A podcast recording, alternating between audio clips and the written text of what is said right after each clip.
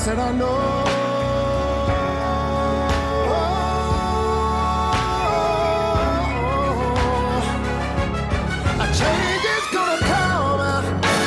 Hej och välkomna till Skokonomics, ett nytt avsnitt nu i midsommaraftons eh, start, typ. Om vi säger att den, midsommarafton liksom tjuvstartar när, här på halvdagen på torsdag när vi spelar in så, eh, så är det start på midsommarafton nu. Sen kommer den då pågå till söndag hoppas jag och inte att det blir talmansrundor eller något mitt i, i, i det. Eh, men eh, jag heter Jenny Lindahl. Eh, med mig har jag Sandro Scocco. Japp, och sen har vi också gäst. Vi har gäst idag.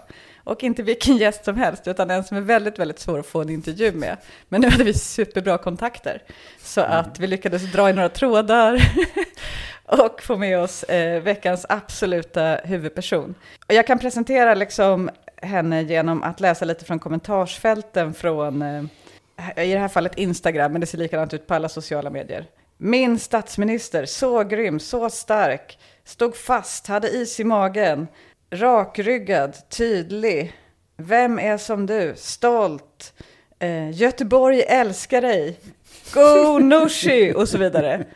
Så här är alltså hundra, hundra, hundra, hundra, hundra, hundratals, tusentals som man lägger ihop dem från alla sociala medier, kommentarer som, som bara liksom öser på.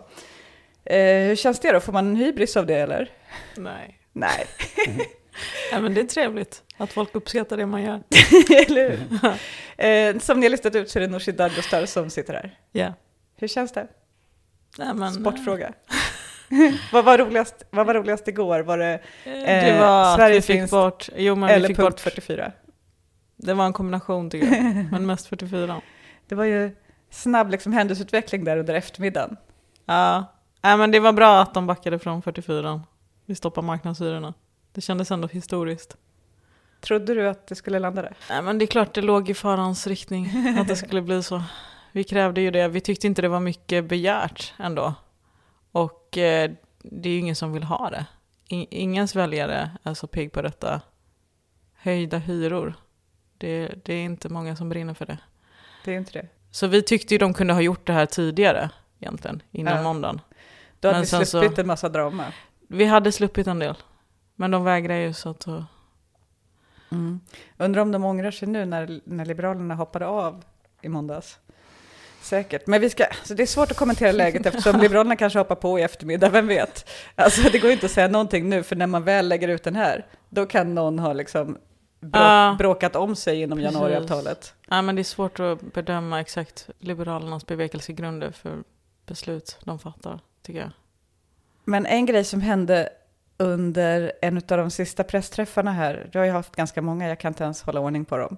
Det har ju varit som talmansrundorna all over igen, fast det är bara du som håller pressträff.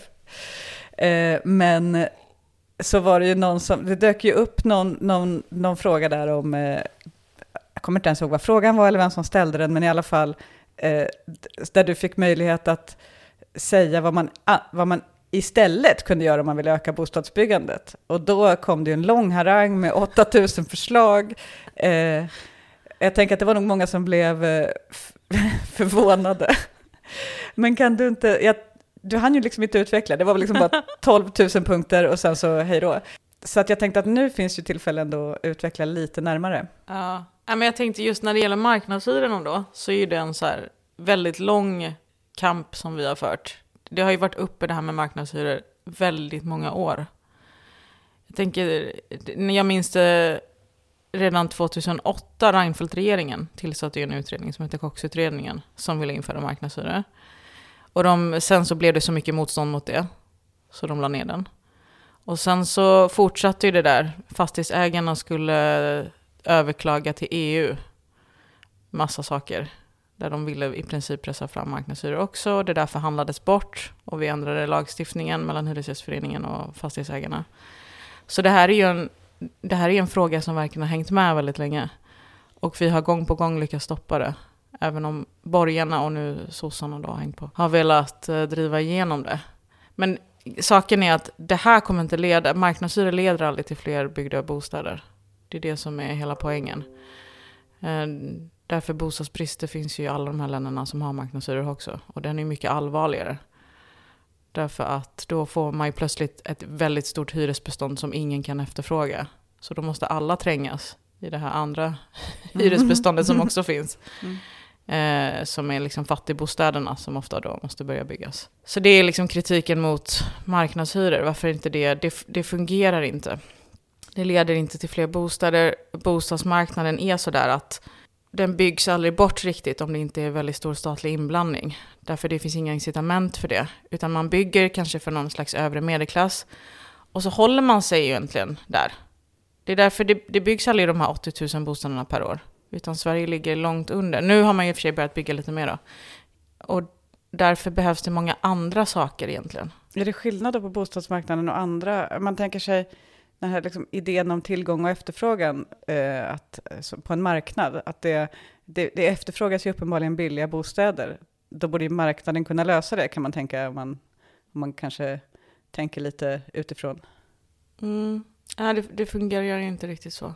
Får du till, det, det är som det är nu då, räntorna är väldigt låga, priserna har gått upp extremt mycket. Då är det bara så att alla underleverantörer, de bara höjer sina priser. Markägaren höjer sitt pris, liksom den som bygger bostäderna höjer sina priser och sen får man ungefär lika många bostäder ändå. Annars hade man ju kunnat tänka liksom att eh, det funkar som bananer eller någonting. Man anställer en person Mm. eh, till, producerar mer bananer och det kommer ut. Men bostadsmarknaden fungerar absolut inte så. Utan det blir ju så som Stockholms kommunalråd sa när marknadshyrorna kom på tal. Då kommer vi ju sluta rabattera markpriserna. Vi tar ut ett jättehögt pris för det. Och vi vältrar över hela liksom, prisbilden på kunden. Det, det finns ju bara en viss, liksom, det, blir nästan, det blir snarare tvärtom. All, det blir så dyrt allting att bygga att det kommer egentligen inte bli lönsamt. Det där har ju allmännyttan också pratat länge om. Det blir inte lönsamt att bygga utanför kanske Stockholms innerstad. Och det är ju redan byggt, så det finns inget att bygga. Eh, det blir inte lönsamt tvärtom att bygga på många ställen för det blir bara dyrare och dyrare. Och det ser vi ju. Alltså det är bara att titta på priserna, eh, hur de har utvecklats sedan 90-talet. Titta 95 till idag. Priserna har skjutit i höjden som 17. Det är galet. En normal människa kan inte med en vanlig lön köpa en bostad eller hyra knappt Nej. då, bostad, nyproduktion. Det har inte byggts fler bostäder för det. Det byggdes ju antal fler bostäder på 60-talet än vad det gör idag i Sverige. Så det är ju någonting som inte funkar med att bara höja priserna. Det, det, marknaden fungerar inte på det sättet eh, på bostadsmarknaden. Vad behöver man göra för att det faktiskt ska byggas bostäder som folk har råd att bo i då? Tre stora frågor då. Ena är finansieringen. Hur delar man upp riskerna för finansieringen? Därför du som, som bygg, jag gjorde en statlig utredning på det här också. jag vet. Där jag pratade med ett väldigt stort antal byggbolag. Eftersom jag har suttit i civilutskottet så länge och har haft ansvar för bostadsfrågorna har jag ju tidigare pratat med dem. Men i den här statliga utredningen som jag ledde då så talade jag ju med ett väldigt stort antal byggbolag. Och de är ju väldigt tydliga med att de har ju inte för avsikt i grund och botten att bygga bort bostadsbristen. Det är inte därför de har sin business. Utan de måste ju eh, ta hänsyn till sina aktieägare. Och då köper man en bit mark kanske och så håller man på den ett bra tag. Om man är ett stort bolag så kan man ju sitta på mark ganska länge. Och så bygger man ut dem i väldigt små etapper. Och faktum är att bostadsrätter byggs mycket långsammare. Eh, och det är ju för att de inte ska tappa i pris hela tiden. Och så upprätthåller man prisbilden hela tiden och försöker liksom pressa upp den egentligen. Och bygger långsamt, långsamt. Hyresrätter byggs snabbare. För där har man ju liksom redan förhandlade hyror. Jag tänker just där, det handlar ju också om pengarna. Någon måste ta risker. Man vill ju inte bygga bort så att det, man får vakanser i slutet. Så det är det som är så farligt för de här investerarna, att det blir Mm. vakanser. Och det är därför staten måste vara med och vara med och finans, liksom dela på de här riskerna. Mm. Om vi ska pressa fram 80 000, då kan det ju bli vakanser här och där. Och det måste vi leva med. Eh, och därför liksom, är det en idé om att staten måste antingen använda sin makt och göra pengarna billigare, som en finansiär ska använda, eller vara med och dela på risker.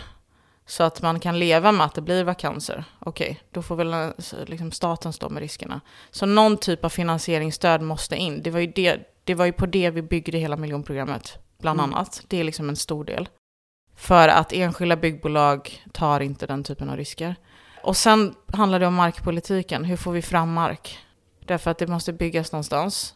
Och den marken, det var ju så vi jobbade på 60-talet. Där hade vi ju ganska, Vi, Tuff. jobbade vi på. jag och Tage, Ja, ja, du och Tage. eh, tuffa regler för hur man, eh, både kommun och stat tillsammans kan köpa mark. Till exempel hade man ju sådana här förköpsregler som borgarna tog bort under Reinfeldt. Om någon markägare vill sälja sin mark, ja, men då har kommunen förköpsrätt, rätt att köpa den i första hand. Underlätta att köpa bra mark, för det bygger mycket på det. Kommunerna äger ju mycket mark också för att man under den tiden köpte på sig mycket mark. Och detaljplanelägga den.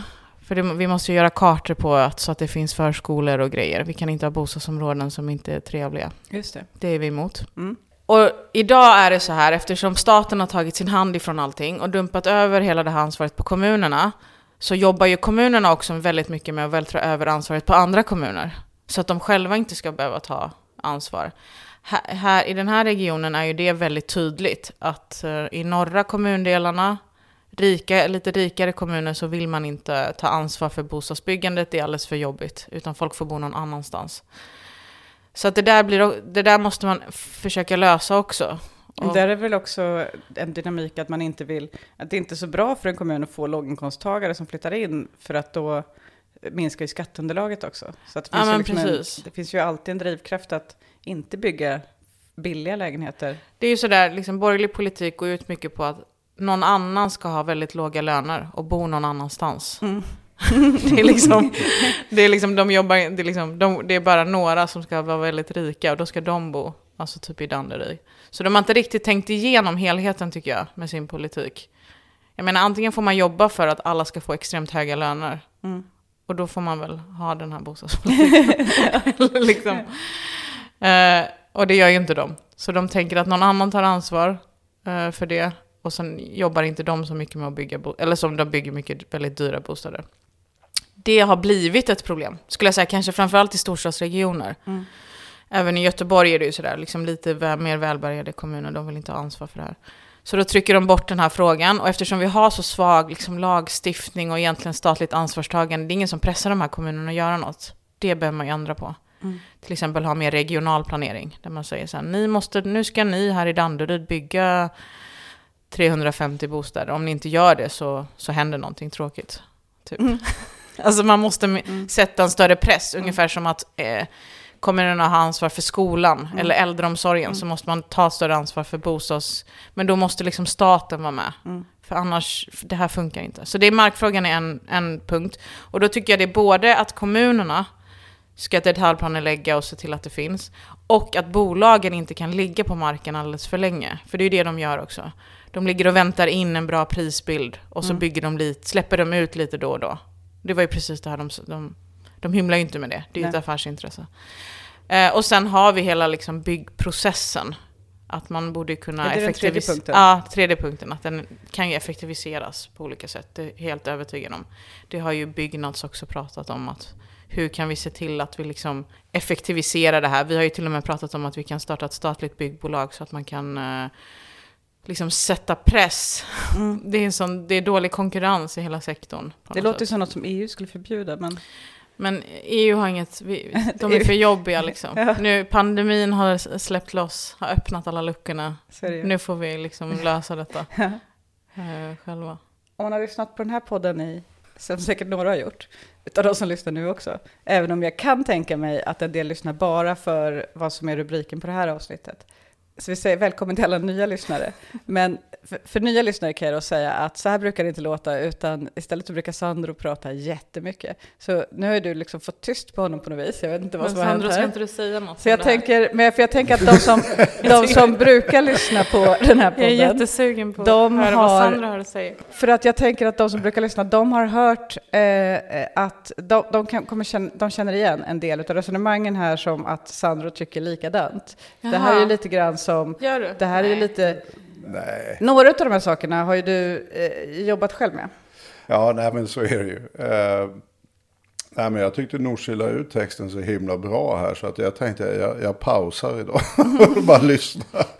eh, nej men så är det ju. Jag ledde ett projekt som hette Bostad 2030 som var en delegation som bestod av ja, Anders Sundström ledde ju den, gammal S-minister och sen in i finansiella sektorn och sådär. Va? Och då var ju även Alecta och byggbolaget Boklok och Marie Linde som är ordförande Metall och vet, akademin med i den här processen. Och vi försökte ju hitta på någonting som skulle kunna fungera med EUs lagstiftning och så vidare. För det är ju, ja, men det var ju det Nooshi var inne på, att fastighetsägarna stämde och vi hade en borgerlig regering.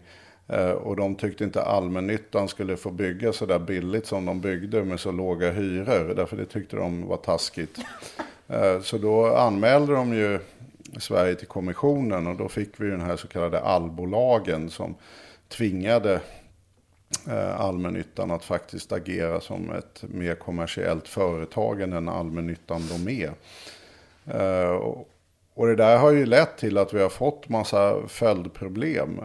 Och vi försökte ju hitta något så här sätt just att okej, men nu har vi ju den här lagstiftningen och en hel del av de instrument vi hade på 60-talet har vi ju liksom inte kvar. Alltså, vi hade ju kredit och valutareglering och så vidare. Man får ju säga att instrumentlådan var ju, såg ju helt annorlunda ut när vi gjorde den här enorma faktiskt upprustningen av det hela bostadsbeståndet. Det är en sån där bild som jag blir fruktansvärt irriterad på. När borgerliga debattörer sitter och liksom ylar om den misslyckade svenska bostadspolitiken efter andra världskriget som havererade på 90-talet och så vidare.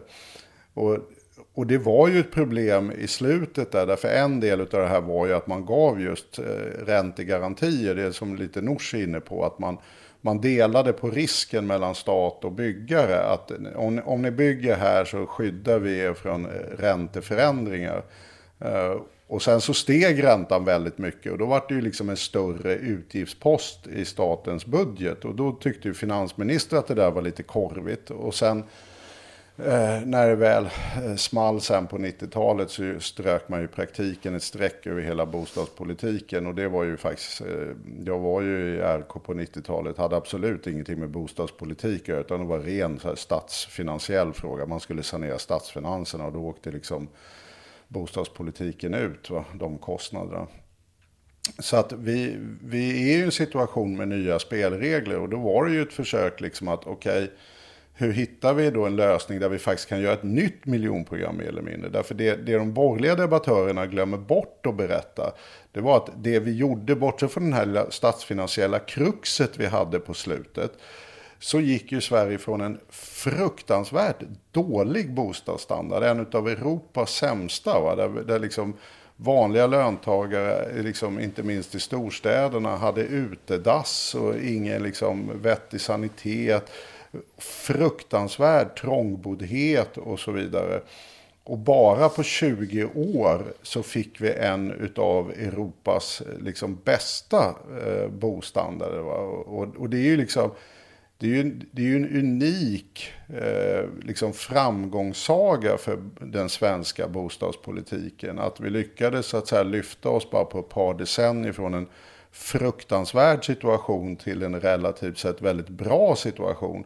Och då har man på något sätt lyckats göra det här enbart till det här lilla statsfinansiella problemet som vi fick som restprodukt på slutet. Men den reala upplevelsen för människor var nog just den här äh, Wow, jag har fått en toalett och dusch och badkar. Vad coolt. Och jag har fått ett rum till mina barn och vi bor inte allihopa i samma rum och, ja, med utedass. Och, och det är väl det som kanske är viktigt för folk faktiskt. De kanske inte var riktigt lika bekymrade över den här statsfinansiella problematiken som borgerliga debattörer har varit. Och, och sanningen är ju den, om man tittar, vi gjorde ju sådana kalkyler själva. Vi gav ju ut sju underlagsrapporter. Norsjö och jag delar ju ett visst intresse för bostadsmarknaden får man ju erkänna. Eh, och där gjorde vi beräkningar på hur mycket bostäder vi behöver. Vi. Och, och, vi är ju alltså i en liknande situation som vi var under efterkrigstiden. Att vi behöver någonstans bygga kanske 850 000 bostäder på liksom bara ett par decennier. Och det är, det är oerhört snabbt när det gäller bostäder. Så vi behöver verkligen nästan ett nytt miljonprogram för att lösa det här. Och det kommer naturligtvis inte marknadshyror göra. Det kommer ju bara förvärra problemet. Alltså har du en bostadsbrist och du säger nu ska vi låta betalningsviljan som eh, borgerliga debattörer och ekonomer älskar att säga, det vill säga plånboken bestämma vem som ska få lägenhet. Och då är det ju så när man tittar på de här studierna, då ser du ju det att, att fördelningen blir väldigt uppenbar, va? vilket är så konstigt. Och se, då får vi en bättre matchning mellan utbud och efterfrågan. Det är ju liksom talregeln. Va? Jo, men inte mellan behov. Alltså, de låtsas ju att matchning är att man matchar behov. Men vi har ju tittat på den här frågan och det är alltså mycket mer ineffektivt utnyttjande utav det privata marknadsprissatta beståndet, det vill säga bostadsrätter och villor. Och anledningen är helt enkelt, har jag en fet plånbok, inte tusan bor jag i en tvåa då liksom. Därför jag kan ju köpa mig en tiorummare på Strandvägen liksom. Men här har ju inte de borgerliga debattörerna något problem att en person bor i en tiorummare på Strandvägen ensam. Men det är egentligen det de låtsas är problemet. Det vill säga de säger att vi måste göra liksom, hyrorna dyrare så folk tvingas flytta till mindre lägenheter. Då frigörs större lägenheter. Jo, men det som kommer hända om vi skulle införa marknadshyror idag, det är ju att massa människor som bor rätt, det vill säga kanske en familj som har varsitt rum till sina tonårsbarn, de kommer flytta därifrån. Och det kommer att flytta in någon som kan matcha då med sin betalningsvilja det nya priset. Och det kommer förmodligen vara ett ungt par som jobbar i finansiella sektorn och har väldigt gott om pengar. Så resultatet kommer ju bli ett mycket mindre effektivt fördelat bostadsbestånd om man inför marknadshyror. Så att i praktiken skulle man göra den här förändringen då skulle byggbehovet öka ännu mer därför vi utnyttjar beståndet ineffektivare även på hyressidan.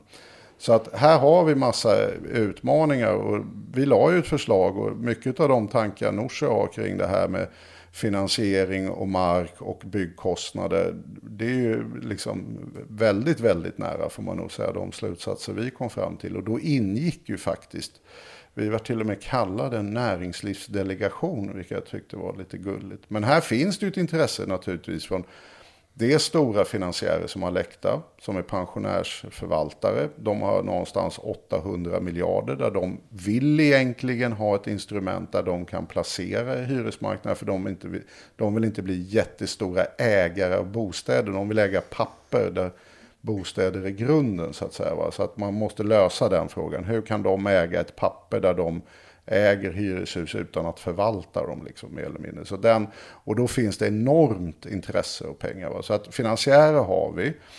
Byggare har vi. Det här fattar ju NCC och Skanska och Boklok och allihopa att det är såklart, bygger vi 800 000 bostäder på ett par decennier så kommer ju det finnas pengar för att göra oss och göra liksom ja, vinst för oss också på det här. Även om vinsten inte blir lika stor som den nu blir när man bara bygger lyxbostäder. Så att det finns egentligen massa intressenter ute i samhället som, man, som staten skulle kunna hjälpa till att föra ihop. Att vara så att säga en, ja, för att tala svengelska, vara en facilitator i det här sammanhanget. Så att vi faktiskt löste vad som är grundproblemet. Det vill säga, vi har alldeles för få bostäder i förhållande till vår befolkning. Titta, nu pratade jag också lite. Det är lustigt tycker jag också att det du säger, Sandro, om eh, de här, så, alltså vilka som tvingas flytta. Att mm. det, det är ju en jättestor issue för de borgerliga partierna när det gäller fastighetsskatten. Att då får mm. ingen fattig tvingas från sin bostad. Men när det gäller hyreslägenheter, då har man ett helt annat sätt att resonera. Tycker jag, det liksom går inte riktigt ihop i retoriken där. Ja, de har lite en empatistörning när det gäller människor med lägre inkomst. Ja. Men samtidigt tror inte jag, alltså om man införde fastighetsskatt, det som skulle vara positivt med det, det är att priserna skulle pressas tillbaka lite. Ja. Så ingen skulle behöva flytta för det heller. Nej. Alltså. Nej. Men det är liksom en konstig, jag fattar ju att de tycker olika. Ja. Men det är bara, det dumma med fast, att ta bort fastighetsskatten var ju, det var ju någon som tittade på det också. Nu kommer jag inte ihåg vem, vem det var. Är ju liksom att det gör ju bara att pengarna går till banken istället för ja, staten. Alltså. Banken har haft en Det är ingen människa, människa som vinner på det heller. Liksom. Nej.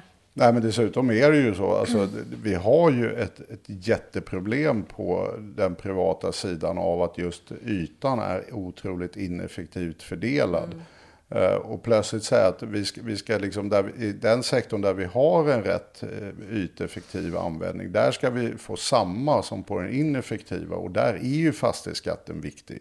Alltså det ska liksom spegla de kostnader som finns. Nu har man ju gett de här i privat ägda och marknadsutsatta beståndet en jätteskatterabatt som gör att de just aldrig kontemplerar att flytta ifrån sina stora lägenheter. Därför det är så fruktansvärt billigt med nollräntor, inga skatter, att helt enkelt bo kvar. Alltså incitamenten att flytta i det privata beståndet är ju närmast noll idag. Och så blir det svindyrt. Dyra Ja. priser.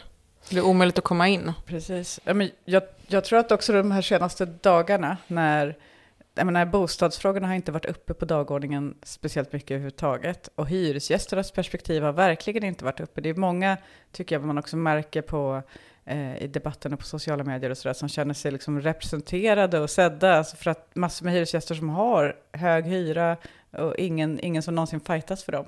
Som är mycket tacksamhet där idag. Mm, ja, men det känns ju bra. Jag tänker att det också är något större. Alltså varför de här marknadsexperimenten inte fungerade. Nu har det ju ändå gått eh, 25 år från många av de här som Sverige har infört. På skolområdet eller sådär. Liksom, nu vecklas ju mycket av det här ut. Så jag tycker det är en bra debatt. För det är liksom där vi förklarar. där vi förklarar. det är inte, liksom, varför funkar inte detta? Jo, eh, av de här olika anledningarna. Och det är på skolområdet det är ju samma. Det skulle bli väldigt mycket bättre, det skulle bli effektivt. Ja, men just det här, om det här funkar som en marknad, då blir det större ett utbud. Nej, men det, inget av det hände. Och då måste man börja ompröva, tycker jag. Men det är bra att du kommer in på det, för jag tänkte att vi skulle liksom växla över till de, de lite mer generella perspektiven på det här. För att i, ditt, eh, i din röstförklaring som du höll i måndags när det var misstroendevotering så citerade du Tage Erlander, du pratade om att socialdemokratin hade övergivit folket. Det var ganska stora ord eh, kring det, det politiska läget och jag tänker att det som också många känner och säger och upplever idag är att du har gjort någonting. Alltså dels så är det många som pratar om äntligen en politiker som står vid sitt ord, som är rakryggad, som håller vad hon lovat och som står upp eh, när det, även när det blir lite jobbigt och när det blir mycket press och som inte bara spelar spelet utan som sätter sakfrågorna i centrum och så. här. Det har varit mycket.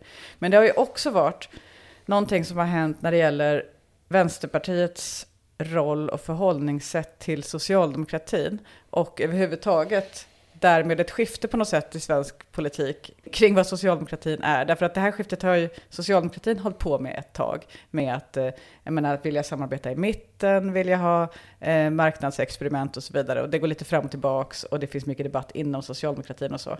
Men eh, vår roll i det här har ju på något sätt ändå alltid varit att förhålla oss som, vår roll säger jag nu för att jag också jobbar på Vänsterpartiet, eh, att, att liksom förhålla oss som en slags, vad ska man säga, en slags vänsteropposition här i, eh, till Socialdemokraterna. Och vi har, vi har väl kanske inte alltid, vi har väl liksom på något sätt räknat med att det finns en socialdemokrati ändå i grund och botten som driver en socialdemokratisk politik. Och även om det var jobbigt med 90-talskrisen så kommer den finnas där och driva en socialdemokratisk politik. Men att nu är det någonting som har hänt.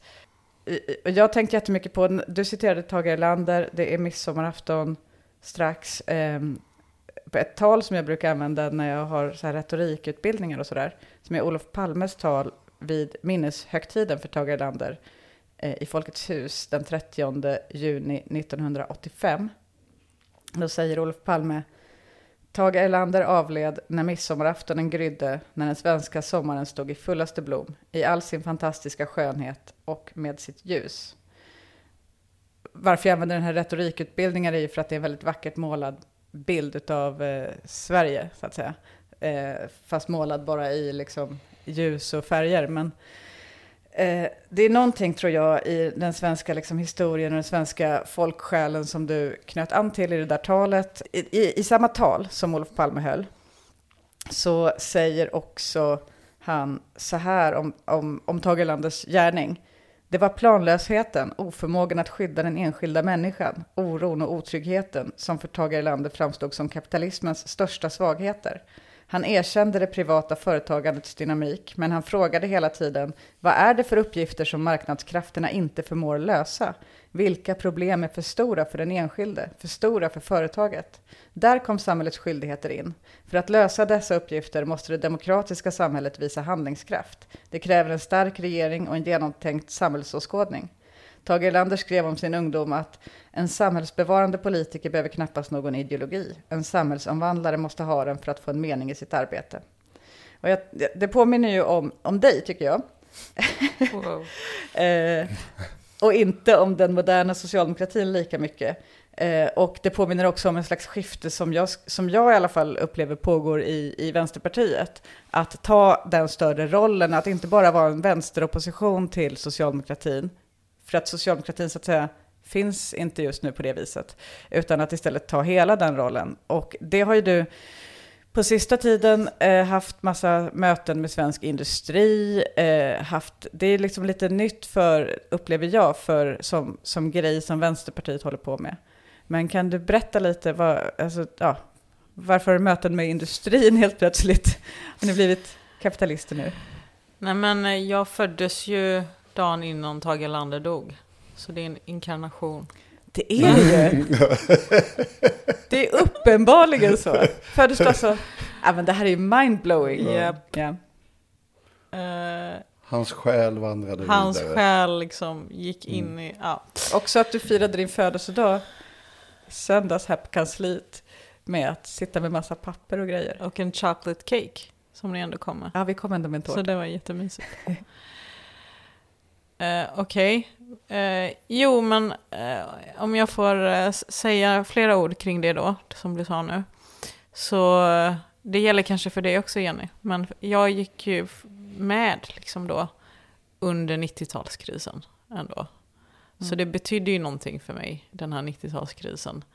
Det, det var ett brott med eh, en socialdemokrati som såg annorlunda ut innan dess. De ändrade ju skepnad och eh, det blev ett ideologiskt omkast ändå någonstans. Med privatiseringen av skolan, pensionssystemet såg helt annorlunda ut efter det där. Eh, Det var ju flera systemskiften under 90-talet. Vi gick med i EU. Som eh, i efterhand tycker jag man kan ifrågasätta. Det här med EU kan vi diskutera. Men det tycker jag ändå är det som slutpunkten någonstans har vi här idag. Där, där vi ändå säger stopp. Mm. Alltså vi kan inte ha fler marknadsexperiment. Och Socialdemokraterna har inte förmått att eh, hålla det tillbaka. Utan de har, ju, de har ju blivit nu ännu mer av... Centerpartiet har ju gått väldigt långt liksom, i sin Mm. ideologiska omvandling och blivit... Mm. Eh, Vad ska du välja för ord här? Blivit... men de en vill ju knappt... konstruktiv progressiv kraft. de, de går ju allt mer mot att bli ett parti som har som mål att ha en nattväktarstat. Ja. De kan tänka sig en polis kanske i bästa fall som är statlig. Så. Resten är Rest, fritt. resten är ro, roliga killar med hatt. De ska ju liksom ordna då. Och, eh, Precis som de själva brukar beskriva sin politik. och jag tror ändå att i den här mandatperioden så gick Socialdemokraterna så långt i att tillfredsställa Centerpartiet och alla andra partiers eh, till höger behov av att visa upp den typen av avregleringar och systemskiften ännu mer. Så de har ju tappat eh, liksom hela sin position som rörelse. Att de gick med på så stora eftergifter när det gäller maktfrågorna. Och det är både anställningstryggheten och den här frågan om marknadshyror då. Så där kommer ju Vänsterpartiet kommer ju behöva ha en helt annan roll och samla folkrörelserna och folket för att sätta stopp för de här marknadsexperimenten. För det finns inget stöd bland svenska folket för de här sakerna. Eh, och vi måste ju någonstans ändå återupprätta tryggheten Mm. för, för en bra pension, för en bra sjukförsäkring, de mest grundläggande tryggheterna. Jag tror liksom hela vår roll ser helt annorlunda ut nu. Mm. Vi kunde under en viss tid ägna oss åt mindre frågor. Mm. När Socialdemokraterna ändå höll de stora frågorna någorlunda intakt, Mm. eller vad man ska säga. Mm. Nu finns inte det där. Så vi kommer ju, vi har ett mycket större uppdrag. Det är ju att hålla ihop välfärdsstaten och liksom återupprätta folkhem Sverige. Mm. där eh, det inte är en ny förnedring att gå till Försäkringskassan om man har råkat ut för en olycka på jobbet. Eller att man ska vara livrädd efter 40 på grund av pensionssystemet. Mm. Så mark marknadshyrorna är ju en del i detta. Men jag tror nu, nu det finns en vändning i hela opinionen och i den internationella politiken. Jag tycker ändå att det var ju ett brott när Joe Biden blev vald Mm. på ett vänsterprogram istället för Donald Trump. För Donald Trump prövades. Han löste inga, inga problem. Han byggde inte ens en mur. Liksom. Han byggde lite grann. Han byggde, inte, det är liksom, han byggde lite grann. Men där, där ser vi ju också ett enormt skifte. Så det är ju någonting som händer i världen. Ja. Som handlar, jag, som är inne på en vänstervåg. Och det är ju, ni har ju varit inne på det i podden också. Det Ja. handlar ju också om de här institutionerna som vi demonstrerade emot för 20 år sedan. IMF och? OECD och så här. Som hade idén om att avregleringarna skulle lösa alla problem. Då skulle allt bli spännande och dynamiskt och nya idéer. Det blev precis tvärtom. Ja. Alltså produktiviteten sjönk ju. Arbetslösheten ökade. Alltså det blev bara försämringar i våra trygghetssystem. Trygghet och arbete är inte, är inte motsatsförhållanden. Alltså den idén, jag tror liksom ingen tror på det längre. Nej. Så att det är ett skifte nu som kommer. Där vi kommer behöva, där, ta, där, där kommer vi ta på oss den rollen att leda det skiftet. Eh, Därför att de andra partierna lyckas inte stå upp för det. Men hur hänger det ihop med att du börjar prata med industrin då? Ja, just det, förlåt, industrin. Eh, vi, vi har ju också den här andra saken vi ska göra och det handlar om klimatomställningen. Eh, vi behöver ju ställa om eh, hela det sättet vi producerar saker på behöver ställas om. För utsläpp eh, kan vi inte ha längre. För det är ett hot mot hela mänskligheten. Eh, och det är därför jag efter att jag blev vald satte mig ner med svensk industri. För vi är ju ett industriland. Eh, Två tredjedelar av alla utsläpp som kommer från vårt land, det är transporter och det är industri. Så det är ju ändå kärnan. Om vi ska ställa om så är det där vi behöver göra det. Och då satte jag ju igång Industrisamtal Sverige.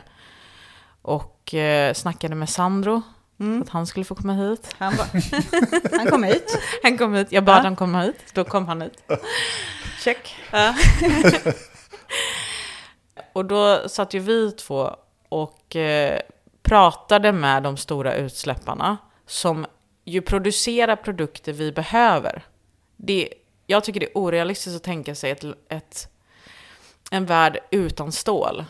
Eller en värld helt utan järnmalm och så. Så att vi satte oss ner, hur, gör, hur löser vi det här då? Så då har vi pra- satte vi igång projektet Industrisamtal Sverige. Vi pratade med SSAB och LKAB och Northvolt som ska nu göra batterierna för eventuella bilar. Och det som är en förändringen i processen, det är att vi kommer gå över till elektrifierade processer. Så istället för att använda kolet för att göra stålet så gör man det liksom eh, genom en elektrifierad process. Och det är det som är hela förändringen. Och för det behövs elproduktion. eh, Och den behöver vara förnyelsebar. Och vi behöver ju, som vi har diskuterat en hel del i Sverige, behöver ju ha eh, elnät så vi också kan leda det här eh, energin fram till fabrikerna och i processerna. Och också bilarna då, de behöver ju kunna laddas. Så det kräver ju väldigt enorma omvandlingar för att liksom förändra hela infrastrukturen för hur vi producerar saker, hur vi kör våra bilar, hur vi laddar våra bilar. Och eh, vi behöver göra det väldigt snabbt. Det är det som är den stora förändringen. Vi behöver ju göra det i, inom ett decennium i princip. Så det kräver enorma insatser. Och då kan man inte hålla sig bara med att marknaden löser det. Hoppas att någon investerare är intresserad. Liksom. Det är det som vi inte tycker håller. Mm. Utan här måste det ju ske en politisk kraftsamling tillsammans med näringslivet. Tillsammans med Volvo, LKAB, SSAB och Northvolt måste vi ju sätta oss ner och diskutera. Vem gör vad? Hur får vi fram all denna el? Hur ser vi till att... eh, Och då handlar det ju om, det behövs massa arbetskraft. De behöver bo någonstans. De behöver utbildning. Alltså det är så mycket som krävs för det här enorma samhällsbygget och det är ganska bråttom. Så i det arbetet har jag satt igång för jag upp, jag ser ju att ingen annan gör det. I, inom det politiska spektrat är ju ingen annan intresserad av hur ska den här omvandlingen faktiskt gå till. Och det är en fantastisk eh, framtid som vi ser framför oss ändå. Många kommer ju få nya jobb, det kommer vara bra jobb, eh, välavlönade jobb och eh, det kommer bli väldigt stor inflyttning i Norrbotten och eh, Västerbotten och så. Som, det är ju där nu det etableras fler och fler fabriker. Så att hela det arbetet mm, måste ju börja nu men måste ju ganska snabbt accelerera för att vi faktiskt ska få till en omställning. Sandro, du har ju varit med på mötena. Vad, Mm. vad säger industrin? Nej, men det, det som alltid är trevligt är ju det att det är mycket lättare att tala med de som företräder företag i sådana här sammanhang. Alltså, jag jobbade en gång i tiden på näringsdepartementet och så hade man med, ja, med Svenskt Näringsliv och deras näringslivsorganisationer att göra. Och det, det är ärligt talat bitvis rätt tröttsamt. Därför de, de driver plånboksfrågor för ägarna. Så att det, det kommer liksom, ja. Skatterabatter för de rika är liksom i princip eh, i olika varianter de förslag de kommer med. Och är väldigt lite lösningsorienterade. Men däremot även om man pratar med vd för stora bolag. Så, så de, de är ju liksom i vardagen. Så att de försöker ju liksom lösa sina problem. Så här, vad, vad ser jag ju här och just nu att jag behöver? Och det är ju mycket lättare att hantera. Därför det andra är ju en rent ideologisk fråga. Det är så här, vi vill gynna de som är rikast i samhället. Ja, det vill inte ja, en gång i tiden vare sig socialdemokratin eller alla till vänster. Liksom. Och, och då blir det lite så här, ja, det är en ren fördelning. Så att det behöver vi kanske inte bråka och lägga så mycket energi på. Eh, men så fort man träffar de här riktiga företagsledarna då tar ju de upp frågor som är legitima och som staten verkligen kan göra någonting med. Va? Och, och där alla skulle kunna tjäna på det. Och en sån fråga som Nooshi är inne på det är ju till exempel behovet av el. Alltså det vi ser är ju den här, det, det fossilfria stålet och där har vi ju både träffat SSAB och H2 Green Steel och LKAB som alla är involverade i att nu ta fram det här fossilfria stålet. Det, det kommer alltså kräva helt enorma mängder el. Man, därför då använder man ju vätgas för att slippa att få ut eh, koldioxidutsläpp från de här processerna. Och SSAB är ju vår absolut enskilt största utsläppare som gör då stål. Eh, och och då, då inser man ju så här, okej, men vänta, var ska all den här elen komma ifrån? Och det är ju de också bekymrade över. Och vi höll faktiskt på med en utredning om det här som är nästan klar. Eh, och då var ju vi, vi förstod ju inte alls vad Svenska kraftnät höll på med. De prognostiserade någon sån här, ja men vi kanske behöver gå från 140 terawatt till 160 terawatt. Och vi tittade oss runt och gjorde beräkningar och kom fram till att ja, vi kanske snarare ligger på en fördubbling utav elproduktionen vi kommer behöva för att klara av att ställa om både industrin och transportsektorn. Men sen kom ju faktiskt bara för några veckor sedan Kraftnät med en ny och betydligt radikalare bedömning som faktiskt låg i linje med den bedömningen vi gjorde innan. Och då är det så att det är liksom både hushåll men också industrin. De inser ju väldigt enkelt att om, om vi inte bygger ut både då överföringskapacitet och produktion då kommer ju elpriserna skena. Och, och då blir plötsligt det här inte längre liksom en lika vet, du, enkel omställning för industrin. Och det här kommer ju naturligtvis drabba hushållen. Eh, som inte minst vi då är lite måna om. att Industrin är ju tillräckligt listiga för att säga att okej, okay, vi binder upp oss i långa avtal så vi vet att vi har billig el åtminstone under den här perioden när vi bygger upp verksamheten och startar produktionen och så vidare. Som kan göra väldigt långa 5-10-åriga avtal och så vidare. Det sitter ju inte hushållen med. Kan du ju tänka dig, alltså, den här industriomställningen i, i Norrland som sker nu med batteriverksamheten, med det fossilfria stålet och så vidare den ligger ju då kanske någonstans på 40 terawatt, alltså en ökning då. Och det, det är ju liksom, den, den suger ju upp en tredjedel mer eller mindre utav vår, ja inte riktigt, fjär, mellan en fjärdedel och en tredjedel eh, utav vår totala produktion idag. Va? Och så sitter de i långa, rätt trygga kontrakt. Alltså vem tror ni då i det läget kommer tvingas plocka upp de högre eh, elpriserna? Jo, det blir ju hushållen. Och så att här finns det ju väldigt legitima ja, både skyddsintressen från statens sida att se till att det inte är hushållen som tvingas betala på enskild nivå för de här stora omställningarna vi gör nu. Utan här, här måste vi se till att elsystemet expanderar i sån takt så att vi kan hålla ett, ett rimligt lågt elpris. Och det är ju de superintresserade utav. Att diskutera och hur vi ska göra och vad staten ska göra. och så. Sen en annan fråga som konsekvent har kommit upp. Det är ju utbildning och kompetensutveckling och forskning att här vill de ju se en betydligt aktivare stat. Man vill se bety liksom betydande satsningar på utbildning och kompetens. Eh, en annan fråga som har kommit upp är infrastruktur.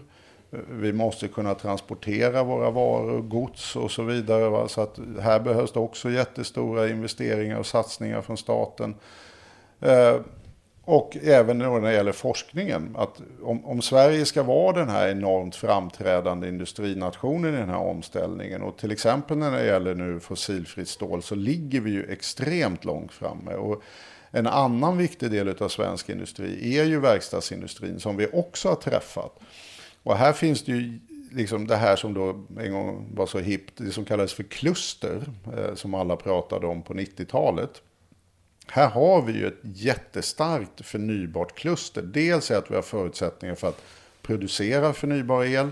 Dels har vi en jättestor verkstadsindustri där, där de är e helt eniga i att vi går mot elektrifiering. Tunga stora lastbilar kommer förmodligen baseras på vätgas men med en elektrifierad drivlina. Eh, mindre bilar kommer förmodligen vara helt elektrifierade via batterier.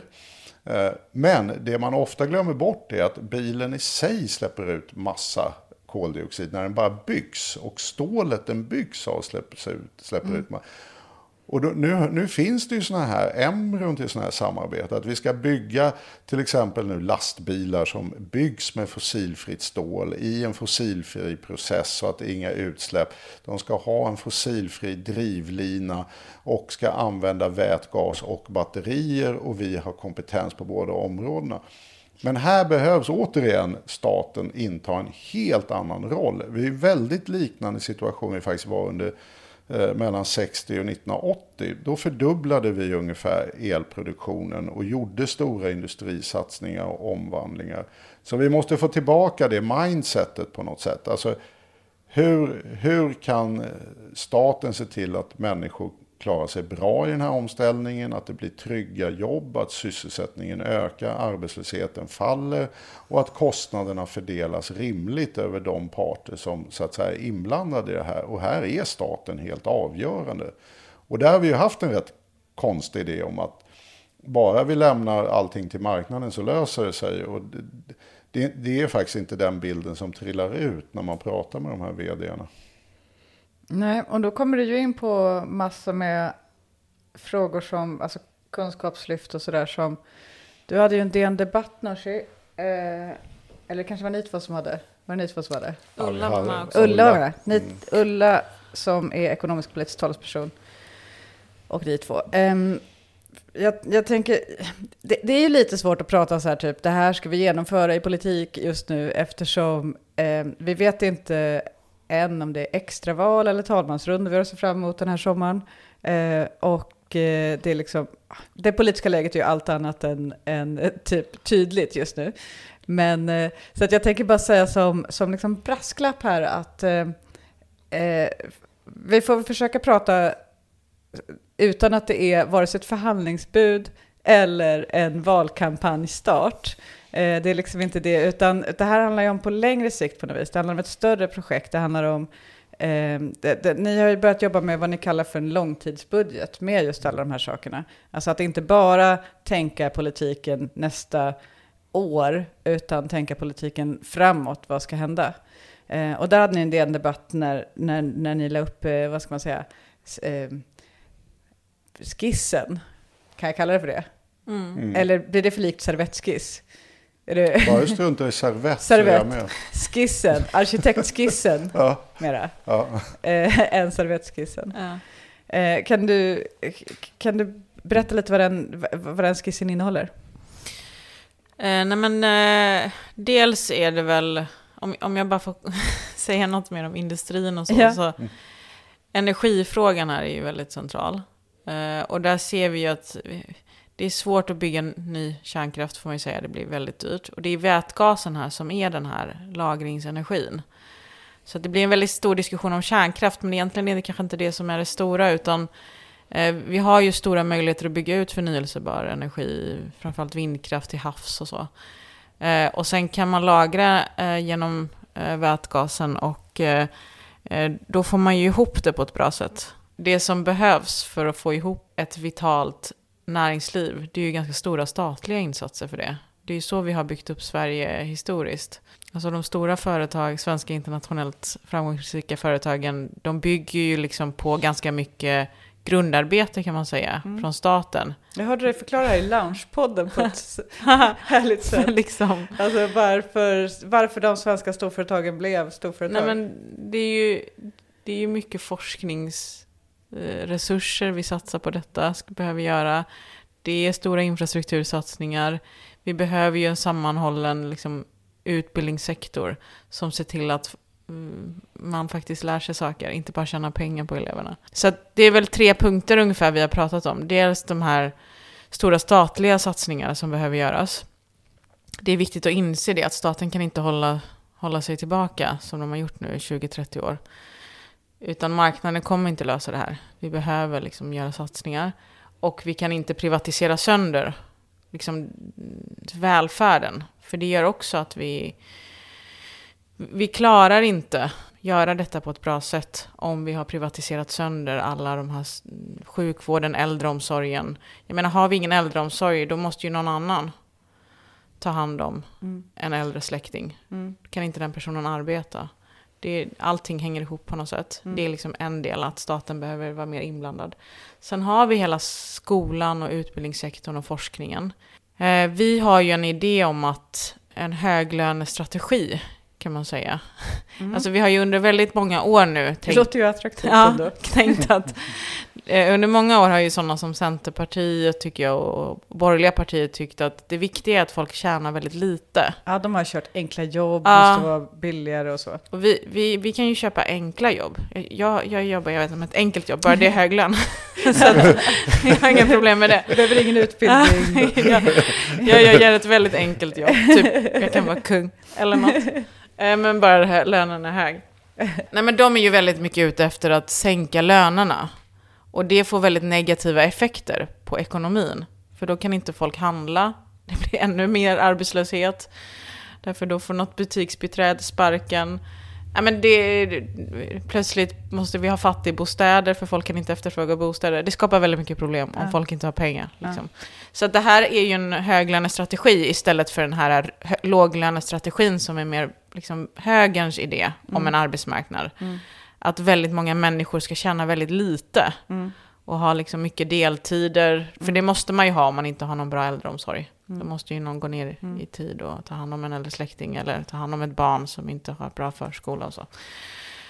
Eh, Så jag tänker, det här handlar ju mycket om att det är kunskap som driver tillväxt eh, och inte låga löner. Och stor, för det gör det inte.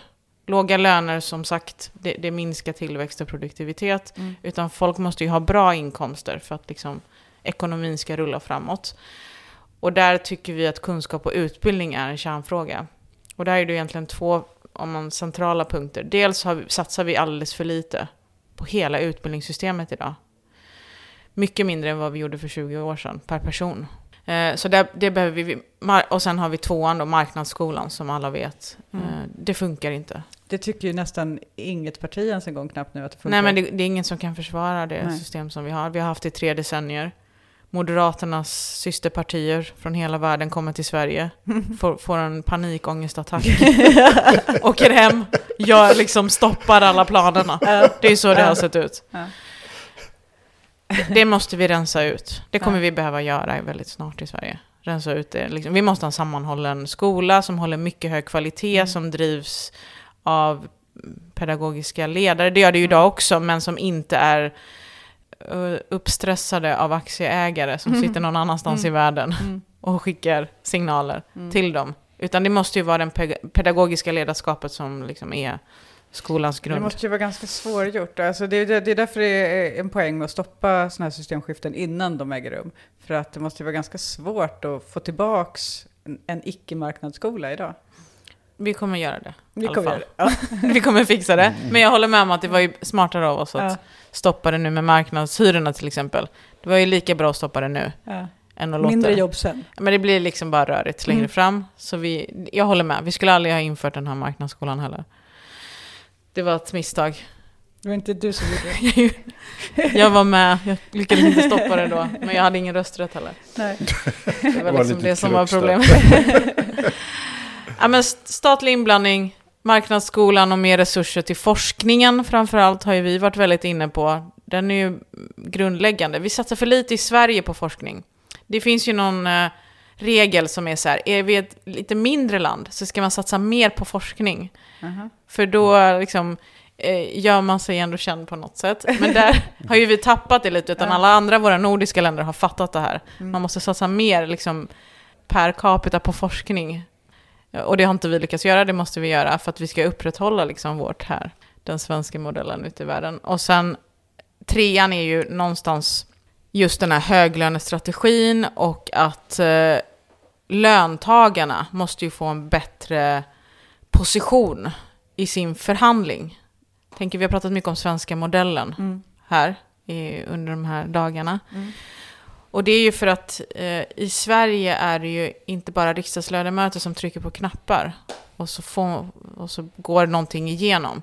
Utan vi har ju tänkt att vi får ju mycket mer långsiktiga och bättre förhandlingsresultat om liksom löntagare själva organiserar sig i organisationer och förhandlar fram det de vill förhandla fram. Och att det inte med- blir olika lön varje mandatperiod för folk. Typ. Nej men verkligen, precis. Men det bygger ju också på att det är en stark organisation, att många är med och har en stark förhandlingsposition. Mm. Och vi vet ju att det har skett en försvagning av den fackliga positionen under lång tid. Och det behöver vi ju ändra. Och se till att fler går med i facket och att eh, vi har just en arbetsmarknadspolitik som är mer kunskapsbaserad än bara bygger på rutbidrag, liksom sänkta ingångslöner och så. För det tror jag, det försvagar också förhandlingspositionen i Mm. grund och botten. Mm. Så det handlar om statlig inblandning, en annan typ av kunskapssyn överhuvudtaget. Och sen en stark förhandlingsposition bland löntagare och hyresgäster Mm. för den delen. För de är, ju- har ju också en svensk modell på bostadsmarknaden. Jag har ju sett, inte så här folkets reaktioner, men däremot delar utav vänstern och särskilt de som är jätte, jättemycket, eh, de, de- delar av vänstern som är mest engagerade i klimatfrågorna, har ju sett ifrågasätta varför du använder tillväxtbegreppet. Att för dem så står tillväxt för, alltså så är tillväxtbegreppet associerat med det, det, den dåliga liksom, ostoppbara utvecklingen mot bara högre och högre och högre konsumtion på bekostnad av naturresurser och så vidare. Så, så, så kan ni inte säga någonting annat har jag. För att det, alla verkar sluta upp bakom idén om klimatomställning av industrin och alltså innehållet i det du säger. Men jag har ju hört kritik då, de som tycker att ni inte ska kalla det för tillväxt. Jag tänker ändå vänstersidans uppfattning i de här frågorna är ju att vi är väldigt positiva till utveckling. Mm. Vi kommer alltid behöva en teknisk utveckling framåt och ge människor mer och mer trygghet. Alltså vi vill ju att alla barn ska ha varsitt rum. Man ska inte behöva trängas i ett. Så liksom teknisk utveckling och välfärdsförbättringar, det är det som är tillväxten. Det är det som är liksom att människor ska få det bättre hela tiden. Det är ju det vi inte har haft de senaste 20 åren Mm. egentligen. Utan då har ju all tillväxt stannat i händerna på några få. Och det har inte kommit alla till del. Ehm, så uppfattningen om att vi vill tillbaka, det, det är fel tänker jag. Och det är en felaktig uppfattning att liksom högen, eller högen vill ju inte heller ha tillväxt för de har ju inte fixat, de vill bara att försämra saker och ting för de flesta. Däremot så ser vi ju att vi kan ju inte ha en sån här ekonomi, oavsett om vi har tillväxt eller inte. Så kan ju inte ekonomin drivas av eh, fossil energi. Det är fortfarande typ nu vet jag inte, 70-80% Mm. av energin som är fossil. Och det är ju det som blir problemet. Så även om jag skulle tycka liksom att hela ekonomin måste ju ställa om, oavsett om den växer några procent per år, Mm. så är ju grunden att allt vi producerar måste produceras på ett annat sätt överhuvudtaget. Mm. Vi, det är det vi ska, det är det som är hela utmaningen, att kombinera teknisk utveckling, välståndsförbättringar, tillväxt med liksom, omställningen, Mm. tänker jag. Jag tror att det blir dumt om man tänker sig att det bara är högersidan som vill ha tillväxt och teknisk utveckling. Mm. För det, det vill de ju inte, annars hade de satsat mer på forskning. Men det finns väl de i vänstern också som... Ja, jag vet att du, du Sandra har väl haft en del diskussioner med, med just dem. Eh, det finns väl de i vänstern som också verkligen tycker att det vi ska göra, det är att minska konsumtionen. Eh, att vi måste på något vis... Och det blir ju så, det, eh, i förlängningen att sänka standarden, så att säga, sänka förväntningarna på vad man ska ha eller köpa eller konsumera. Jo, fast det är inte den frågan alls vi jobbar med. Och här tycker jag att debatten är lite problematisk ibland. Därför att det, man blandar ihop två grejer. Det, den ena grejen är den att vi måste gå mot ett hållbart samhälle som både är hållbart socialt, ekologiskt och ekonomiskt. Det är liksom en frågeställning. Det är liksom en sån här, vad ska man säga, livsavgörande frågeställning. Vi måste hålla oss inom våra planetary boundaries som det heter, planetens gränser. Och det, det är liksom ett krav vi har på oss som mänsklighet att faktiskt göra det. Den, den andra är ju så att säga en, en civilisationskritik. Att vi som eh, mänsklighet strävar allt för mycket efter att hela tiden förbättra vår materiella standard. Och köpa en ny bil och större bostäder och allt det här. Va? Vi jobbar ju inte med den här civilisationskritiska biten. Alltså den, den får ju alla ha sin uppfattning om. Alltså huruvida man tycker att vi lever i ett liksom, konsumistiskt samhälle och så vidare. Utan uppdraget är ju mer att oavsett vilket val vi gör, eh, både på individnivå och politiskt, så måste det vara hållbart. Vi, det, det vi säger, vi kan inte göra ohållbara val. Och, och accepterar man väl att den, den civilisationskritiska eh, så att säga, diskussionen får ju tas för sig. Utan om vi håller oss till den hållbara diskussionen så tycker jag att det, jag har ju varit med i den här debatten väldigt länge och, och då är ju några som har förespråkat åtminstone i 30 år utifrån olika utgångspunkter. Till exempel att vi ska ha nolltillväxt. Eh, och att det skulle vara en lösning på problemet. Och det, och det där kan jag tycka är, är en allt för grov förenkling. Därför det är nämligen ingen lösning på problemet. Alltså, nolltillväxt betyder ju bara att ekonomin ser ut som den gör idag. Och då har ju Nooshi helt rätt. att Klimatet så kan ni tänka er att det är som ett vattenglas det hela tiden rinner ner vatten i. Och vi försöker få nu det här vattenglaset att inte svämma över. Men hastigheten som det rinner vatten ner i det här glaset, med nolltillväxt är den konstant. Så glaset, det är ju det som är problemet idag, att glaset fylls ju på lika snabbt som efter Kyotoprotokollet, eller till och med vi höjde krantrycket efter Kyotoprotokollet. Så det vi faktiskt måste göra är faktiskt att stänga av kranen för att det här glaset inte ska rinna över. Och då kan man undra, okej, det skulle vi ju kunna uppnå genom att vi helt enkelt inte då konsumerar och producerar så mycket. Okej, vad innebär då om man konstant håller vårt sätt att producera, så kallad throughput economy, vad innebär det då? Jo, det innebär att vi måste reducera vår levnadsstandard så att säga globalt någonstans kanske 80 procent. Det vill säga vi ska leva på 20 procent av den levnadsstandarden vi har idag. Och då kommer ju det gälla bostäder, mat, allting. Alltså har du 100 kvadrat ska du bo på 20 kvadrat. Va? Eh, och det tror jag inte är en realistisk framtidsvision helt enkelt.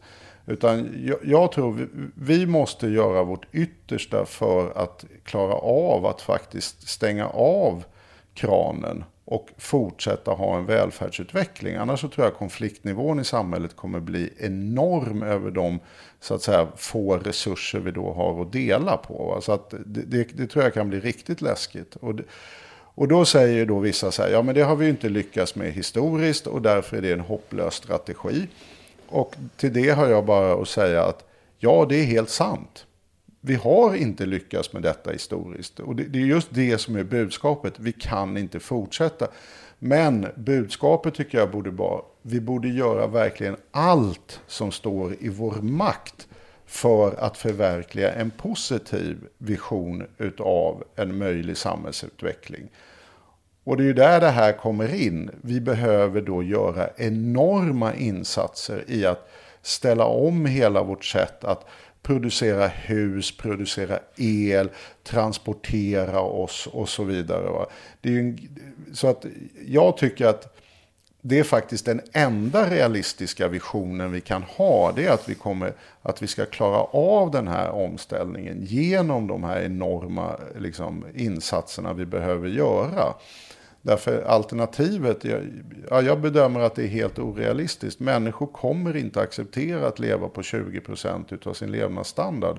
Och då kommer vi köra i väggen. Då kommer beslutet hos världens befolkning bli vi låter kranen rinna och så hoppas vi på det bästa och så går vi under istället. Därför det är ingen som kommer ta det där beslutet. Nu ska jag bo på 20 kvadrat. Eh, så att ja, det är inte säkert att vi lyckas. Ja, det, det finns ju hon som skrev, Kate som skrev eh, Donut Economy. Då var det de här optimisterna, ja det är inga problem, vi, vi är framtidsoptimister, allting kommer lösa sig. Och sen är det andra gänget som säger, nej titta på historien, det går åt helvete, det är hopplöst liksom. Och då utnämner hon sig själv till tillväxtagnostiker. Jag, jag tycker det är en rätt trevlig utgångspunkt. Att nej, det är faktiskt så illa att vi vet inte om vi kommer att lyckas. Men det är faktiskt ingen ursäkt för att försöka låta bli att försöka. Okej, jag tänker att vi ska avrunda lite. Eh, det är väl, eh, för det är ändå eh, dags. Rent, Det är dags. om podden ska bli lagom lång. Det måste ju bli midsommar någon gång. Det måste det bli. Eh, nej, men om vi ska avrunda lite då. Jag tänker att en sak som, jag, som, som slog mig här när jag bara satt och, och ja, lyssnade på, på er, är ju att så många gånger som vi har sagt i olika sammanhang och alla möjliga säger, alltså en, en vanlig sägning senaste tiden har ju varit att den politiska kartan har ritats om. Eh, och då brukar man mena januariavtalet och så vidare. Man brukar mena SDs intåg, man brukar mena introduktionen av Galtanskalan som viktig faktor i politiken och så. Eh, så, det, så det brukar ju vara saker som vi inte gillar som vi menar med det. Och nu så att jag tänkte att nu har den politiska kartan ritats om, och det var du som gjorde det, för en gångs skull. Så coolt ju. Eh, och så, så, Ja. så, så ni hör inte det här, en opartisk ut- utfrågning. Gud, du är så hårt ansatt i den här Eh, intervjun. Ja, verkligen. Vi kan det köra är sån så här coolt. SVT-disclaimer. Det finns andra Det uppfattningar. finns andra uppfattningar. Det finns... Nej, men eh, jag tänk, det har väl liksom också varit så att du kanske, om man vill höra på eh, Nooshi bli eh, typ bombad av tusen orimliga frågor om saker som är helt omöjligt att svara på och, och liksom typ stå i den stormen så kan man ju lyssna på valfri presskonferens eller intervju i veckan. Så det finns, Ja. du, har ju, du har ju fått lite av det. Mm. Det var skönt också att få typ tala till punkt utan någon som säger men då har ni släppt löftet, eller men då, men då säger de att, eller men då kommer det bli så som det är. Eller som bara, men SD då? Eh, Men, eh, okej, min analys av veckan, förutom att du har ritat om den politiska kartan, är också att nu är hela Sverige kära i dig, för att så eh, ser det ut. Hjälp. Och eh, det kommer bli jobbigt eh, i längden. Eh, nej, det blir väl kul. Och det har också börjat spridas en liten internationell buzz kring det här, vilket är kul. Men att det är liksom, ja men det är, det är, det har skett, det har skett någonting i svensk politik och i, och i överhuvudtaget Sverige. Alltså inte bara i liksom den politiska debatten, utan att nu blev det så här och nu är positionerna så här, utan det är så många människor som har fått hopp tillbaks på något vis, som, har fått, som känner sig representerade som, som väljare, som människor, som hyresgäster. Um, men vad, hur kan det vara så himla ovanligt att det här sker? Jag menar, för det, det är så här, folk, folk känner så här därför att de känner sig representerade, respekterade för att du har stått vid ditt ord och så vidare. Eh, Men som du sa också i talet så att det, det verkar ju vara någonting som anses ovanligt i svensk politik. Är det så ovanligt? Nej, men det var inte vår avsikt att det skulle bli någon slags eh, regeringskris. Utan vi påpekade bara det som vi hade sagt väldigt tidigt. Ja. Att eh, om vi ska utgöra regeringsunderlag så kommer vi inte gå med på just marknadshyror. Vi tog väldigt stort ansvar i övrigt för hela situationen, tycker jag. Jag menar, Stefan Löfven gick till val på att inte införa marknadshyror. Annie Lööf gick till val på att inte samarbeta med Stefan Löfven. Mm. Och sen landade vi där vi landade. Kommer du ihåg för en vecka sedan när vi gav regeringen 48 timmar? Ja men det var ju för att vi hade gett dem redan två och ett halvt år. Mm. Så jag tycker inte det var... Det var mest för att få ett avslut. Någon ja, gång, någon måste, gång man, måste man säga, här går gränsen. Ja, nu, nu, nu måste vi lösa det. Ja. Och vi hade ju försökt lösa det väldigt länge. Jag, jag upplever att det finns massa strömningar i samhället eh, på liksom mer bred skala. Som handlar om att människor är väldigt trötta eh, på marknadsexperimentet också. Ja. Alltså det här med marknadsskolan har ju under det här året var det ju väldigt många lärare som var ute och sa vi kan inte göra vårt jobb. På grund av att det är företag som ska styra allting. Det finns ingen politisk, politisk ledarskap i detta. Och det, det är någon, det, jag tror att det, det sammanfaller många av de här känslorna som folk känner. Vi har jättestor bostadsbrist men det är ändå ingen stor fråga. Så folk tappar tron på att det överhuvudtaget är en politisk fråga. Ja. Ehm, ja, men det som höger, de högernationalisterna säger, men som de, det är de som har skapat. Långa vårdköer, Ja. trött personal i sjukvården. Det står de och säger, men det är de som har skapat den här situationen. Ja. Allt det där behöver samlas upp tycker jag. Det finns ett väldigt stort missnöje över att det här är det bästa vi kan få, något sånär. Och så är det Centern som bestämmer. Någonstans tycker inte jag att det räcker. Och jag tror att det är fler som känner att det där räcker inte. Vi måste ju bryta med den här idén. Och så är det lite som Sandro var inne på, typ att eh, det enda som vi diskuterar är etnicitetsfrågor mitt i allt det här. Mm. Precis som att det går att göra något åt Som en gång. att det är någonting som är så här, ja men precis, som att, Ska, ska vi byta etnicitet? som att hårfärg är det som kommer avgöra det här. Mm. Det är ju inte det. Och jag tycker det finns, det är, jag tror att det är mycket som sammanfaller också, att det är ännu, kanske ännu fler nu som får upp eh, ögonen för bostadsfrågan. Här har vi ju något riktigt stort. Herregud, bostadspriserna har ökat med 500% på bara några år. Mm. Det är något som är fel på det. Det är också sjukt med en fråga. Vi som bor i Stockholm, säkert kan det vara likadant på Göteborg, inte vet jag. Men eh, alla som bor i Stockholm och någon gång har varit på en social eh, sammanställning, till exempel att man sitter, det är briljant i Öje Brandelius film Spring Öje Spring. Alltså varje gång han sätter sig ner på en bänk på dotterns typ dansträning så sitter det någon annan förälder bredvid och så börjar de genast diskutera bolån och bostadspriser. För det, det är det enda Stockholm, alltså jag menar det här är det enda folk tänker på, sina boendekostnader och eh, sitt boende. Eller det, enda, det, det är någonting som hela tiden pratas om i verkligheten, men som inte haft någon plats i politiken på länge. Ja, men jag, jag, jag tror det ligger mycket i den analysen Nooshi gör, att utan att på minsta sätt eh, liksom förminska Nooshis magiska insatser under de här veckorna och tidigare, så tror jag att det finns en enorm hunger efter att någon säger stopp. Alltså, vi vill inte ha den här samhällsutvecklingen mer. Va? Alltså, vi är redan trötta på den som den är.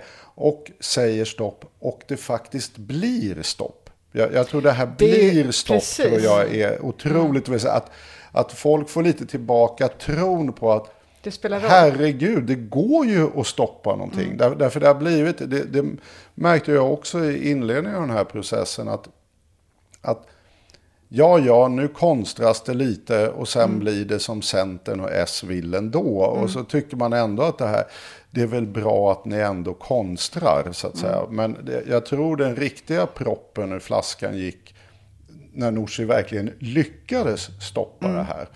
Och det var väl i, ja, i förrgår då, eller igår till och med, när, när man gick ut och sa nej från Mm. Centerns sida. Att, nej, punkt 44 är borta och frågan är Mm. stendöd. Och jag tror att man, man får ett enormt politiskt mod Mm. för att ta upp den här frågan igen i närtid. Så att jag, jag tror just den här kombinationen av att Ja, någon sa det som borde göras. Jag menar, hur länge har vi inte sagt vad som borde göras inom skolan och hur många är det inte som säger det? Typ alla, va? utom Centern eller möjligtvis Moderaterna. Eh, men nu hände det. Alltså, vi sa nej, det här kan vi inte köpa. Och så blev det stopp. Och det tror jag gav folk en enorm kraft i form av herregud, vi kan kanske påverka samhällsutvecklingen. Så att jag hoppas ju att det är den här vändpunkten på många områden som Nooshi talar om. Men det är något med try- trygghetskänslan också tycker jag i samhället. Mm. Alltså när jag växte upp så var det en annan trygghet. Mm. liksom. Nu är det, allt är så otryggt, man ska lösa alla frågorna själv. Ingenting är något som går att påverka politiskt. Och det är någonting med det som inte, det, det fungerar inte tycker jag. Politik måste ju vara att det finns en trygghet i botten. Mm. Ja, men alla är ju förvånade och det kanske inte är för att man är ovan vid att någon håller vad lovar specifikt utan liksom lyckas Mm. också. För att i varje, jag pratar ju mycket med politiska kommentatorer och sådana som liksom också pratar med de andra partierna och som har en slags bild av läget och vad de andra tror. Eh, för det, det blir ju ofta så att man, man själv när man ska ha bakgrundssamtal så får man svara på bemötanden som andra har haft i bakgrundssamtal till den journalisten. Då säger ja men de tror ju så här. Så då får man ju väldigt mycket känsla för vad de andra partierna tror ska hända. Eh, och det har ju varit väldigt uppenbart att i varje steg i den här processen så har de trott att vi inte kommer ta nästa. Att du inte kommer ställa dig på nästa pressträff och, och ta det till det steg du sa att du skulle göra. Utan det, finns, det har funnits hela tiden en att ja, ja, ja, men det var ju förvånande att det här draget kom också. Men det ger sig snart att du, du kommer vika ner dig. Eh, men så att, eh, ja, det var, ingen som, det var ingen som trodde du skulle klara det här hela vägen i mål. Var det ingen som gjorde det. Jo, jag trodde det. Ja, bra. Eh, it Jag just, trodde det. There can be a hundred people in a room and nobody believes in you but it just one does. Som Lady Gaga sa i hundra intervjuer. Tips till alla i sommar, väldigt roligt. Sök på eh, Lady Gaga compilation eh, 100 people in a room eller något på YouTube. Mm. Så, får, så är det någon som har klippt ihop alla gånger hon drar samma eh, vad heter det, metafor? Nej, inte metafor, vad är det? Ja, samma bild Mm. helt enkelt. Eh, jätte, jättekul. Ja, men jag tror, alltså, det, det där är lite intressant att se vad som händer utav det här. Där, därför att eh, Eh, det, det en av de viktigaste liksom, verktygen och som nyliberalismen inte minst har jobbat väldigt hårt med. Det är just att få människor att känna sig maktlösa inför utvecklingen. Och vill man genomföra någonting som människor kanske i grund och botten inte gillar så är den här känslan utav maktlöshet en otrolig tillgång för de som vill utöva den här makten. Och förhoppningsvis så ser vi en mer självmedveten väljarkår som faktiskt känner att de har makt. Och det skulle jag säga, det är det största hotet mot de som vill utöva en makt som faktiskt kanske flertalet inte gillar. Och idag finns det ju, jag menar, det är bara att titta på bostadsfrågan. Jag menar, DN gjorde ju en undersökning alldeles nyss. Alltså det är ju, i, i val, ingen skulle rösta på det här. Eller ingen, men några, men väldigt få. Det skulle definitivt falla. Va? Det, är, det är ju likadant på skolans områden, det är likadant på äldreomsorgen, det är likadant. Alltså, det, vi har ju genomfört reformer som i praktiken en maktelit har genomfört. Och därmed också skapat en maktlöshet inför den samhällsutveckling vi har haft hos stora medborgargrupper.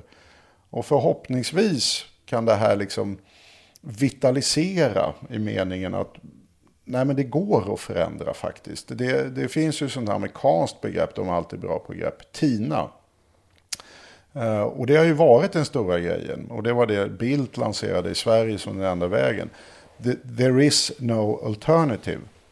Alltså man vill skapa upplevelsen hos väljarna, hos liksom makten och så vidare.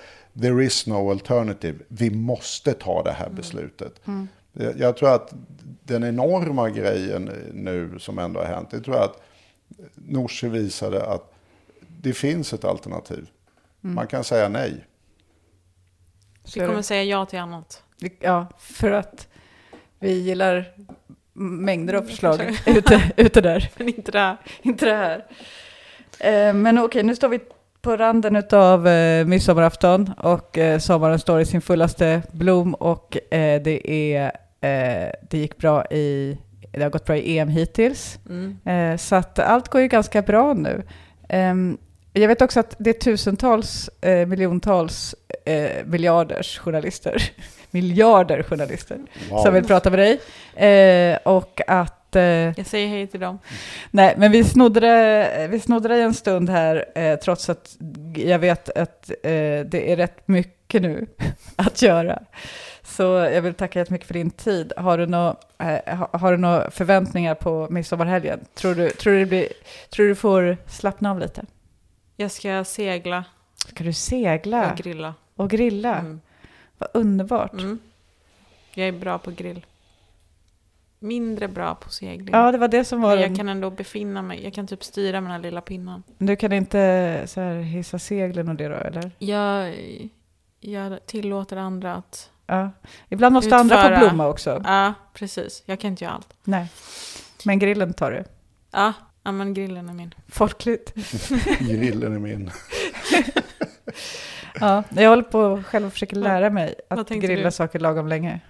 Ja, ja just det. Det, Det tycker jag är jättesvårt för att man... eh, Ja, det nej. måste bli både saftigt men också... ja. liksom Och har man väl lärt sig en sorts födoämne så gäller det sen inte på nästa när man testar det. Så. Tänk att det är en livslång Mm. uppgift. Mm, Att ja, kunna. Ja, visst. Men vi övar på det i helgen då. Ska du göra något kul? Eh, jag ska faktiskt också segla och grilla. Så vad är det för folk jag känner? Ja. Eh, ska jag, och vet, an- angående grillen va.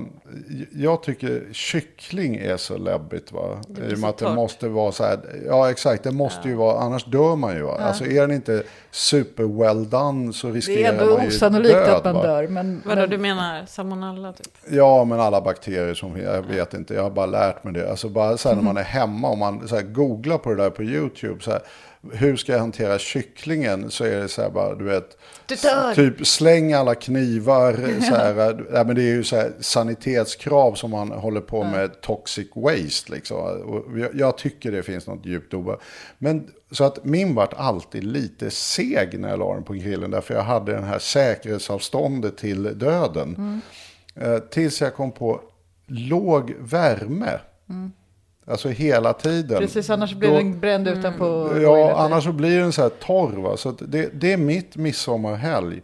Ja. Låg värme på kycklingen så Kör du då grillkolen i ett hörn och så lägger du kycklingen en bit ifrån eller? Ja, precis. Man kan ju lösa det här lite på olika sätt. Va? Men liksom att höja upp den och sådär. Men Mm. Det, det ska liksom vara låg värme snarare länge än att man försöker steka den som i stekpannan hemma. Jag misstänker att alla redan kan det här och jag är sist på bollen. Men jag löste det rätt nyligen själv i varje fall. Det är många, till exempel NEK-studenter som lyssnar på den här podden. Mm. De kanske De hade är nog- tidigt i sin grillutveckling. Ja, de, Mm. de, De kan kommer behöva väldigt det nytta av det här rådet. tipset. Det, jag håller med dig där. För nybörjare kan det här vara ett hyggligt tips. Ja. Nötkött däremot, det gör inte så mycket om det blir rått i mitten. Det är bara, Nej, bara, men det är därför jag menar. Det är just Mm. den som är grejen. Mm. Att där är det så här, ja det var Men den måste också vara saftig. Det kan inte vara för hårt. Nej. Jag vill, rekommend- jag vill inte rekommendera någon att slarva med kycklingen. Så det, det, men det ska inte sägas, eh, det, man tar inte det här som en intäkt för att slarva med kycklingtillagning. Men jag vill bara säga att jag tycker att skräcken för kyckling är lite överdriven. Ja, jag har helt Alltså, köpt att in i den där grejen är, skräcken. Det kan finnas salmonella i kyckling. Eh, och eh, det är dåligt, men det gör ju nästan aldrig det. Så att sannolikheten att man ska få en salmonella- salmonella, om man misslyckas, om man nu misslyckas, så är ändå sannolikheten att det ska vara salmonella låg tror jag. Men okej, jag är ingen svitt. Det är mest att det inte är så gott om det är typ lite rosa Verkligen, det är verkligen, verkligen Det äckligt smakar med typ rå kyckling. Plus att Ja. man har känslan om det är lite rosa i mitten. Mm, att man tror att man ska dö. Det är ju det va. Man skär den där så är det lite rosa så är man så här oj nu dör Nej, jag. jag känner inte igen mig. Det är, jag har inte så mycket det är ingen som gör sushi på Ja, kyckling det, i alla jag har det Alltså, bara på kyckling. Jag har det bara liksom, i övrigt det så är jag rätt liksom. icke regelstyrd. Men just kycklingar, jag vet inte vem det är som har lyckats skrämma upp mig angående det. Men Det här spårade ur helt. ja, Jag vet, jag känner också Men det är också, om jag får ge en bild av häromkvällen, alltså på hur man, när man bara sitter och diskuterar och lägger upp eh, planer och strategier och taktik och så här dygnet runt på det här kontoret. Och man bara, så härom, häromkvällen när vi skulle gå ut ur lokalerna och gå hem. Så liksom uppstod en diskussion om hur vi skulle gå ut ur lokalerna. En, en lanserade, om vi tar hissen ner till gården, alltså började beskriva den här planen. Och en annan lanserade liksom, men om vi går direkt till ut, alltså typ, och så, och så, så har vi plötsligt en sån så här taktik och strategidiskussion om hur vi ska ut ur huset. Då tänker jag att då, då har man suttit för länge i, Mm, i, så det ska bli skönt att vara lite ledig. Det låter härligt. verkligen. Vinden i håret. Och i ryggen, hur går det ihop? Ja, Det blir så här det, framåt blir, hår. det blir liksom framåt hår. Det kan vara snyggt ibland. Okej, nu lägger vi ner. Ja. Eh, vem vill önska glad midsommar? Det tycker jag Nooshi ska göra. Glad midsommar allihopa. Hoppas ni får en trevlig helg. Tack detsamma. Tack. Hej då. Hej då. Hej.